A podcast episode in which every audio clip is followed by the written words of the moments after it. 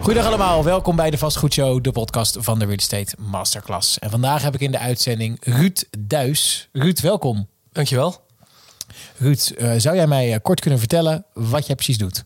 Nou ja, wij hebben een uh, bedrijf, dat heet bezwaarmaker.nl, dus het mm -hmm. eindigt op een R. Waarbij we eigenlijk op landelijk niveau bezwaar maken tegen vastgestelde WOZ-waardes op het moment dat men weer zijn aanslagbiljet ontvangt. Ja, en wanneer ontvangt men altijd het biljet? En dat is altijd uh, rond 28 februari wordt het eigenlijk uh, door heel Nederland verzonden. En dan is het, heb je zes weken de tijd om bezwaar te maken. Dus het is altijd belangrijk dat als hij binnenkomt, dat je goed, uh, ja, goed tijdig je bezwaarschrift gaat motiveren. Of in ieder geval bij de gemeente kenbaar maakt. Ja, dat je een bezwaarschrift in wilt dienen. En dan, mm -hmm. dan loopt het proces. Dus jullie hebben eigenlijk na die februari maand uh, zes weken hebben jullie het ontzettend druk. Ja. Dan moet alles gebeuren. Exact. Dus wat wij doen is eigenlijk in zes weken tijd proberen we eigenlijk zoveel mogelijk uh, klanten binnen te halen. Ja, en dan zorgen we eerst dat we een uitstel aanvragen bij, uh, bij de gemeente om een, om een verdere motivering in te dienen, zodat we ja, wat meer tijd krijgen ja, om die bezwaarschrift in te dienen. Want met de aantallen die we op jaarbasis doen, is het eigenlijk niet mogelijk om dat binnen zes weken tijd te doen.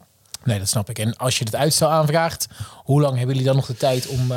Dat is per gemeente verschillend. Dus bij de ene gemeente krijg je twee weken, de andere vier weken, de andere tot het eind van het jaar de tijd. Maar over het algemeen is het een beetje uh, gemiddeld uh, zes tot acht weken. Oké. Okay. Ja, zes tot acht weken de tijd. Dus alsnog wel een flink workload voor jullie dan in, uh, exact. Ja, in, dus in twaalf weken na februari, zeg ja, maar. Een maand exact. of dus dat hebben we proberen op te vangen door uh, ja, in ieder geval bepaalde standaard werkzaamheden in ieder geval zoveel mogelijk uh, ja, te automatiseren. Of in ieder geval dat je in de bulk veel dezelfde handelingen gewoon met grote aantallen tegelijk kunt doen ja, daardoor dat je wat efficiëntie uh, voordeel hebt met je personeel. En uh, daarmee ja. proberen we dat op te vangen. En daarnaast ja, zullen we toch iedere dossier individueel moeten beoordelen. Ja, want daar hadden we het voor de podcast ook even over. Dat jij zei van, joh, ja, wat ons onderscheidt van uh, andere bedrijven... is dat wij elk dossier individueel bekijken. En dat ja. er echt mensenwerk aan te pas komt. En dat bij andere partijen dan Soms, ook geautomatiseerde processen voornamelijk zijn. Bij jullie zal het misschien ook een gedeelte al geautomatiseerd Ja, bij ons zijn? een groot gedeelte wel, maar ook een heel groot gedeelte niet. En ik wil ook niet zeggen dat bij al mijn concurrenten dat uh, geautomatiseerd is, maar die zijn er wel. Maar wat wij eigenlijk doen, is het, we willen het individueel blijven beoordelen. Want op het moment dat je het eigenlijk een, geautomatiseerd gaat beoordelen, dan haal je er ook niet uit of men misschien wel helemaal geen bezwaar had moeten maken. Of dat het in een nadeel zou kunnen werken, omdat je ja, toch uh, dat dossier dan individueel even zou moeten bekijken. Omdat ja. er bepaalde uh, dingen in een nadeel zouden kunnen werken. Bijvoorbeeld bij een vrijstaande woning kan het soms zijn dat de grote loods die ze gebouwd hebben helemaal niet uh, geregistreerd staat in de kenmerken bij de gemeente. Dus als jij dan je bezwaarschrift indient op basis van die kenmerken die je hebt en er blijkt toch een loods te staan, dan gaat die het jaar erop weer fors omhoog. Of, ja. of als blijkt dat die woning een half jaar geleden fors verbouwd is. nou ja, dat, dat zijn wel dingen die je moet weten voordat je überhaupt wel of niet een bezwaarschrift ja. indient. Dus daar zeg je eigenlijk meteen iets heel belangrijks als je denkt van hé, hey, nou, ik vind hem wel wat hoog, mijn WOZ-waarde, denk ook even goed na. Ja, of in samenspraak met jullie. Ja. Om wel bezwaar aan te tekenen. Het kan ook in je nadeel werken. Het kan ook in je nadeel werken. En daarom is het ook belangrijk dat je het eigenlijk altijd door een derde of een specialist als de onze uh, laat controleren. Omdat het soms uh, ja, de beleving van de, van de, ja, de particulier of de burger is er niet altijd uh, de juiste. Of, of, of je wel of niet bezwaar in moet gaan dienen. Ja. Omdat een waarde ook gewoon soms of te laag kan zijn of gewoon goed kan zijn. En bij een te lage waarde kan het soms ook slapende honden wakker maken. Maar uh, waardoor je het jaar erop toch fors verhoogd uh, kan gaan worden. Ja. En dat zou zonde zijn. Dus wat, wat wij dan ook doen is ieder dossier beoordelen we iedere keer of het wel of niet zinvol is. En dat laten we de klant dan ook direct weten. Of we dienen gelijk een uh, gemotiveerd bezwaarschrift in als wij denken dat er een kans verslagen is. Ja, nee, heel duidelijk uh, verhaal Ruud. wat ik vaak wel hoor van mensen met heel veel dingen is dat ze zeggen: nou, ik ga het zelf doen, hè, want zelf doen is gratis. Ja. Maar dit is ook gratis bij jullie. En dit is ook gratis. Hoe kan dat nou dat al die WZ-bedrijven dat gratis doen? Ja, en dat is een stukje wetgeving waarbij we dus eigenlijk gebruik maken van dat, uh, dat iedereen in Nederland die, uh, ja, die een, een, een, een WZ-waarde ontvangt, die kan gebruik maken van een stukje wetgeving waarbij je uh, daar eigenlijk een soort rechtsbijstand krijgt. waardoor je eigenlijk de gemaakte kosten die je hebt gemaakt voor een partij als de onze, ja, gewoon één op één vergoed kunt krijgen. Oké. Okay. Maar dan zou je ook kunnen zeggen dat het uh, altijd in het belang van de, uh, de partij is die uh, de bezwaren uitvoert om zoveel mogelijk bezwaren in te dienen. Want dan verdienen ze meer geld. nou, dat is, ja, uiteindelijk qua aantallen wel. Alleen, ja. ja, wij zijn er zelf ook niet bij gebaat om een hele procedure te starten op het moment dat we eigenlijk gewoon geen, ja, geen kans van slagen zien. Want het kost ons onnodig veel tijd en aan de andere kant van de medaille idem.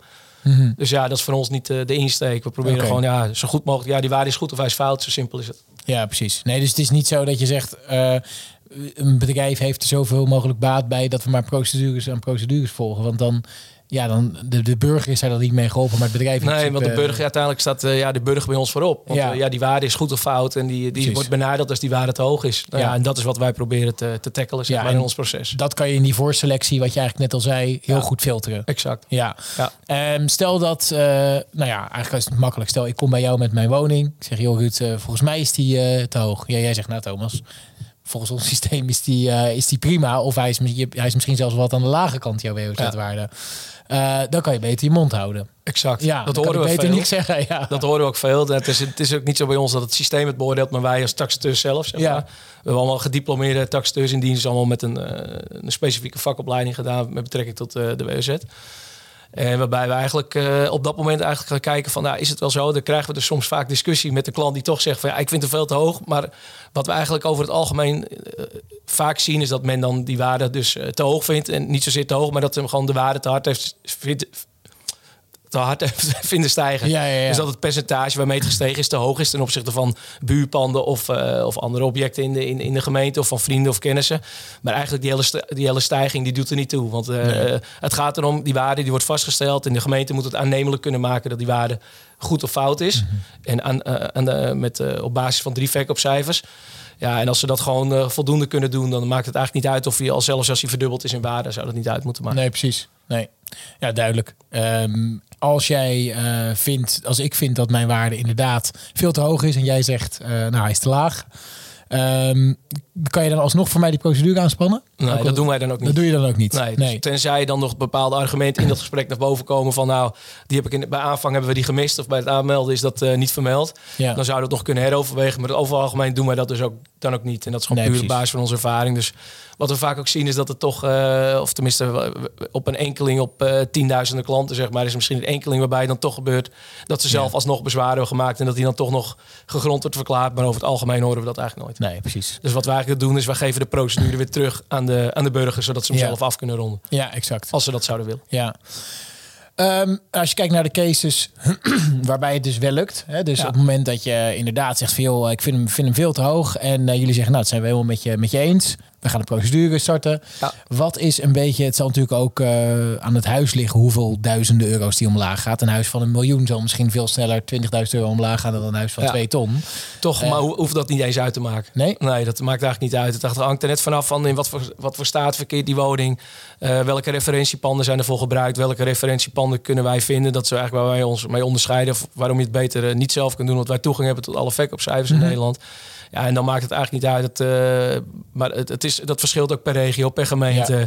Dat is voor zoveel factoren afhankelijk. Maar uh, ja, ik, ik kan er ook weinig over zeggen wat het echt gemiddeld is. Uh, nee, natuurlijk. Dat is zo, dat, ja. zo, zo individueel. ja.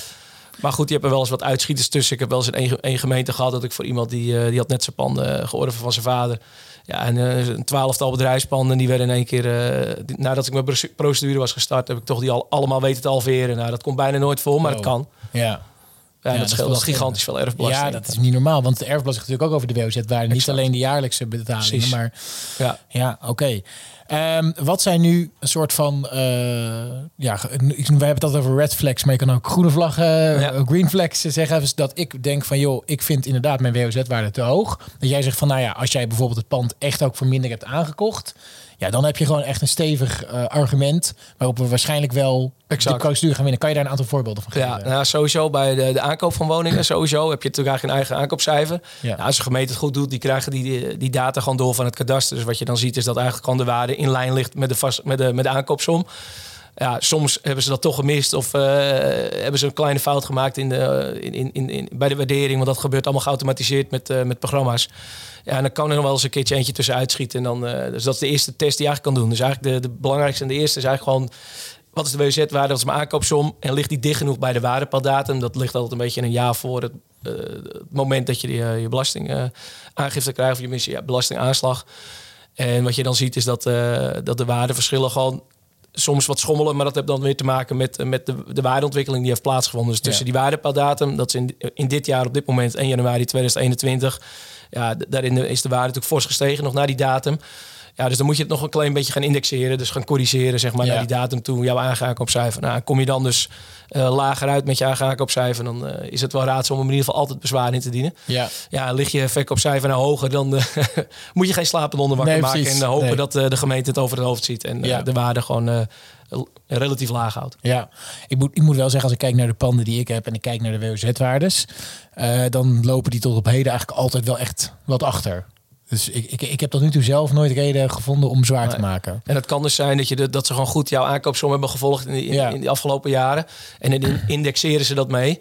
Maar dan nog steeds eh, eh, hoeft dat nog niet eh, zozeer te zijn dat die aankoopsom misschien goed is. Kijk, volgend jaar zal de waarde nog wat gaan stijgen, et cetera. Maar nu zit er toch wel een beetje een daling in de markt aan te Mhm. komen. Dus over twee jaar zal het waarschijnlijk wel weer wat re- nog rendabeler zijn om toch alles weer na te laten kijken. Omdat je dan toch ziet ja, dat er verkoopcijfers zijn in de markt waarvan je zelf ook niet verwacht dat voor zulke lage bedragen weer verkocht zou kunnen worden. Ja, Ja, die dan eigenlijk een, een pijler zijn om, de, om jouw waarde ook weer naar beneden te kunnen krijgen. ja, ja. Oké, duidelijk. Ehm, stel nu, ik heb eh, inderdaad een, eh, een WOZ-waarde die naar mijn mening te hoog is. Ik denk ook van, joh, ik kan het denk wel onderbouwen. En ik wil met jullie zaken doen. Hoe kan ik het beste dat doen? Op het moment dat je zelf dus uiteindelijk bij ons wat uit. Ja. Ja, eigenlijk heel simpel. Je gaat naar eh, bezwaarmaker.nl. Eh, daar hebben we gewoon een simpel aanmeldformulier. Daar- maak je eigenlijk je eerste aanvraag mee aan en gelijk je account. Ja, in je account kun je dan eventueel eh pand nummer 2, 3, 4, 5, et cetera toevoegen. Nou, vind je dat te veel werk, dan eh, stuur je ons gewoon een, eh, jouw aanslagbiljet op met meerdere panden. En dan verwerken wij het het systeem. En dan krijg je alleen nog een, een, een verzoek om een eh, machtiging te ondertekenen. Daarmee machtig je ons eigenlijk zodat wij namens jullie of namens jou een bezwaarprocedure bij de gemeente mogen voeren om die WOZ-waarde dus eh, daadwerkelijk naar beneden te krijgen. Ja. en dan is het eh, in veel gevallen versturen wij nog een vragenlijst welke je dan per pand in moet gaan vullen.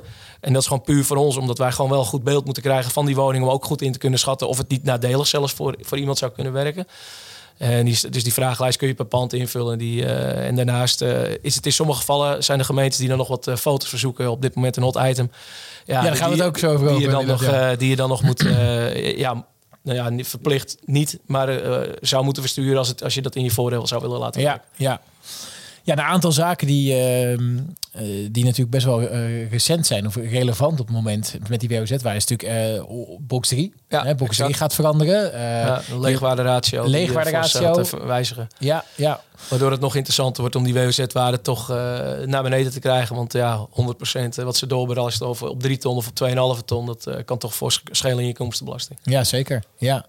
En je noemde het net al, eh, de foto's. Dat Ja. is ook wel een hot topic. Eh, jij zei net van, het wordt waarschijnlijk in Amsterdam. Gaan ze er nu mee starten? zijn ze al gestart? pilot gestart. Dus de eerste Ja. hebben een, eh, een verzoek met een QR-codetje ontvangen om foto's aan te leveren. Nou Ja, dat, de, de- ja de, de, de meeste weerstand komt toch wel een beetje uit de privacyhoek vandaan. Dat men dat gewoon niet wil. Dat, waar, waar, waar ik- wat ik heel goed begrijp. Want in het verleden werd ook gewoon een, een pand bij een bezwaarprocedure in ieder geval... werd die gewoon bezocht door de taxateur. Door de coronatijd hebben ze daar proberen andere oplossingen op te vinden. Waaronder dus het, eh, de, de fotoverzoeken. Kijk, eh, aan de ene kant is het... eh, kan ik me er iets bij voorstellen dat ze die foto's willen hebben, want ze kunnen hun herwaardering gewoon beter nauwkeuriger vaststellen. Maar aan de andere kant, ja, je zit wel echt op het privacyhoek. En in sommige gevallen is het ook helemaal niet nodig om, een, om foto's te vragen. Omdat het bijvoorbeeld een nieuwbouwwoning is uit 2017, waarbij eh, er een hele wijk van dezelfde type woningen staat. Of een groot appartementencomplex. Ja. Ja, er zullen wat kleine verschilletjes in zijn. Maar uiteindelijk, als je echt voldoende verkoopcijfers hebt, kun je daar het gewogen gemiddelde van bepalen waarmee de waarde Precies. moet worden bepaald. En dan ja, heb je eigenlijk helemaal geen foto's nodig. Nee.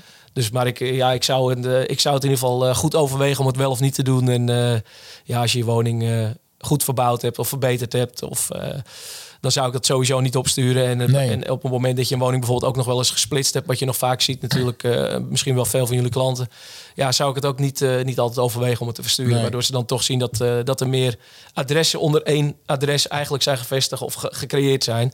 Waardoor je uiteindelijk ook meerdere ja, gemeens- gemeentelijke belastingen dient te betalen. Ja, dat is gewoon alleen maar in je nadeel. Ja, ja. Dus je zegt eigenlijk die foto's opsturen heeft alleen zin op het moment dat je Eigenlijk een heel gewoon- crappy pand hebt. Exact. Ja. Gewoon, eh, wij zeggen altijd, als je een schoon verrot pand hebt, dan eh, Ja, kun je het beter eh, wel doen. En anders zou ik het laten voor wat het is. ja. En wat ik ook natuurlijk wel... is, Stel je maakt foto's, stel je bent een pand aan het verbouwen. En nou, je hebt het helemaal gesloopt. Nou, dan kan je op dat moment foto's maken. Exact. Maar daarna ga je het weer opbouwen. Dus ik neem aan dat ze wel bedoelen foto's van als het af is. Ja, en dan heb je uiteindelijk dat ook dus weer met die waardepaaldatum te maken. Dus voor, even als voorbeeld dit belastingjaar eh, 2022 werk je met een waardepaaldatum 1 januari 2021. Ja. En wat de gemeente dan doet is eigenlijk alles bekijken wat er op, op, op het moment van 1 januari 2022 stond. Dus een jaar later. Dus wat er op dat moment aanwezig was, dat moeten ze terugwaarderen naar het waardeniveau van 1 januari Ah, oké. 2021. Ja, precies. Het is wat complex, komen ook veel vragen over. Maar ja, ja, ja. Dus als ik het, ik ik ga het even halen, als ik het goed begrijp. Ja. Dus stel, ik, laat, ik heb nu een heel opgeknapt appartement en ik maak daar foto's van. Ja. Dat is nu op dit moment. Hè. We zijn nu in, eh, in november van Ja. 2022. De waardepeildatum is 1 januari 2021. Dus eigenlijk eh 11 maanden of nou 10 maanden en een jaar geleden. ja, Ehm, en als stel mijn woning zou dus nu dan bijvoorbeeld 2,5 ton waard zijn. Helemaal opgeknapt. Dan gaan ze één jaar en 10 maanden ervan aftrekken. Voor om bij de waardepeildatum Nou, van 1 dat- januari 2021 Dat is al wanneer ze wat ze eigenlijk doen is op de als het nu is opgeknapt zeg maar Ja. wat, en, en je hebt het ook nu gekocht dus in een opgeknapte staat laten we daar maar even vanuit gaan Ja. dan wordt het dus die inderdaad teruggeïndexeerd vanaf dat verkoopcijfer die maanden wat de waardeontwikkeling dan gemiddeld zijn geweest eh, voor dat type pand in een, die specifieke regio en wat je ook nog ziet is dat eh, en, wat er, wat, en wat er ook gebeurt is dat als je die woning dus wel eerder hebt gekocht bijvoorbeeld in 2021 Mhm. en dat is in november geweest, dan, eh, ja, dan ben je meestal nog niet gestart met je, eh, met je verbouwing. Of tenminste, misschien ook wel, maar in ieder geval niet alles is nog af op 1 januari. Ja. Dan krijg je eigenlijk wat ze op jan- 1 januari moeten gaan kijken van wat is nou specifiek verbeterd. Dus nou, dat kan misschien bewijzen van eh, nog helemaal niks zijn, omdat je eerst de woning nog helemaal gestript hebt. Ja. Dus eigenlijk, eh, nou ja, dan, dan is het eigenlijk zaak dat je dus foto's van 1 januari 2022 aanlevert. Zo stond het er op dat moment bij. Ja, en dan moeten ze dus dat gaan, ja, gaan corrigeren op, eh, op basis van je Ja, aankoopsom. Complex. Ja. Ja, het, het is, eh, dus daarvoor zijn wij voor. Precies, Omdat nou ja, nee, eh, dat- dat- dat de complexiteit weg ja. hebben. Het is eh, met dit soort dingen, ik probeer altijd eh, toch even helder te krijgen hoe het nu zit. Ja. Eh, maar ik probeer ook praktisch te denken, ook voor degene die kijken en luisteren naar de podcast. Ehm, en het makkelijkste is in heel veel gevallen toch gewoon zeker ja, als je gebruik kan maken van die eh, rechtsbijstand die eh, jullie ook nog aanvragen. Daar hoef je echt zelf volgens mij ook niks voor te doen. Als, Nee, het hoeft niet eens aangevraagd te worden. Het is gewoon een stukje wetgeving waarop, eh, waar wij op inspelen. Ja, ja, duidelijk. Ik heb ook wel eens een keer een taxateur, een WOZ-taxateur in de podcast gehad. Dat is al een tijd geleden. En Ja. die zei van, joh, ja, het is eigenlijk makkelijker om zelf de gemeente te benaderen. Eh, van, joh, eh, kan er niet met een simpele brief, kan er niet gewoon 10.000 eh, af. Dat is ook wat je, wat je veel nu ziet gebeuren. Is dat eigenlijk heel veel gemeentes die eigenlijk een standaard extra formulier toevoegen aan het aanslagbiljet. Waarbij eigenlijk met name om onze type bedrijven wat weerstand te bieden. Ja. Van maak alsjeblieft geen bezwaar. Ze verdienen 900 euro per zaak. wat absoluut niet waar is. Want ze doen het overkomen of dat bij ieder ingediend bezwaarschrift zo is. Maar ja, wij verdienen dus alleen wat op het moment dat wij ook succes eh, behalen. En dat is ook voor ons de reden dat wij natuurlijk niet alles eh, indienen, zeg maar, om, eh, om onnodige kosten en tijd eh, te besparen. Maar op punten van eh, om het dan zelf te doen, is wat, wat je vaak ziet, is wat mijn ervaring is. Ik heb tien jaar lang ook aan de andere kant van de medaille gezeten. Dus aan de kant. Ik ben zelf ook geweest, WOZ-taxateur bij gemeentes geweest, via Ja. een commercieel taxatiebureau. Ja, wat je vaak zag is dat, is dat, dat dan de, de, de, de, de gronden van het bezwaarschrift van de burger eigenlijk heel simpel was: van de waarde is te veel gestegen. Ja, En dat is dan ook het enige waar ze op dat moment op gaan reageren. En dat kunnen ze eigenlijk gewoon met één standaard tekstblokje weer, eh je weer, weer leggen. En dan... ja, eh, zo ja. officieel. En er zijn ook eh, verschillende. De ene gemeente doet dat beter dan de andere. Dus ik wil ze ook niet allemaal over één kam scheren. Maar eigenlijk zouden ze dan op het moment dat een bezwaarschrift wordt ingediend. Moeten ze het eigenlijk al helemaal opnieuw gaan bekijken. Dus Ja. alle verkoopcijfers opnieuw bekijken. Maar ja, als er onvoldoende munitie of on- onvoldoende argumenten zijn, hebben ze ook niet veel om te beoordelen. Nee. En wat je vaak ziet als burger, een burger weet eigenlijk niet op welke punten hij zijn waarde zou kunnen verlagen. Waardoor ja, de kans van slagen toch eh, minder is dan wanneer je Ja. het door ons zou laten doen. Ja, ik heb het één keer eh, zelf ook gedaan. eh, toen, ik hier En met succes? woonde. Nee, nee, dat Nee. is eh, standaard. ik kreeg gewoon drie referentiepannen toegestuurd, want Ja. die erbij Ja. hoorden. Want die had ik niet, die stonden niet bij de WOZ-waarde erbij. Precies, dat taxatieverslag wordt Ja. genoemd. Ja. En, en ik moet ook zeggen, daar was ook geen spel tussen te krijgen. Dat was, gewoon wel- goed. was ook gewoon duidelijk. Ik denk, weet je, ik ga het gewoon proberen. Maar misschien had ik inderdaad nog wel kans van slagen gehad als ik een bureau ertussen Ja. had gehad. Maar eh, Ja, dat is het ook. Kijk, als, je buur, al is je buurman verkocht voor, de, voor 20.000 euro hoger dan wat jouw pand gewaardeerd is, ja, dan heeft het weinig zin. ja. Dus, eh, dus goed, het is. eh, maar ook dat weet men vaak wel zelf een beetje wat in de, de vraagprijzen zijn geweest in, rondom hun woning. Ja. En dat is eigenlijk al een goede indicatie om te kunnen kijken van, ja, heeft dat, ligt mijn WOZ-waarde in lijn van die vraagprijzen. Alleen wat Ja. je moet realiseren is dat het dus met een waardepaaldatum is van anderhalf jaar terug op dit moment, of meer dan anderhalf jaar terug. Ja. Waar, waar op dat moment het waardeniveau veel lager eh, dan wat het eh, op dit moment is. ja, zeker omdat Of nog is. de markt natuurlijk ja, paar keer 20% per jaar is Exact, gestegen, ja.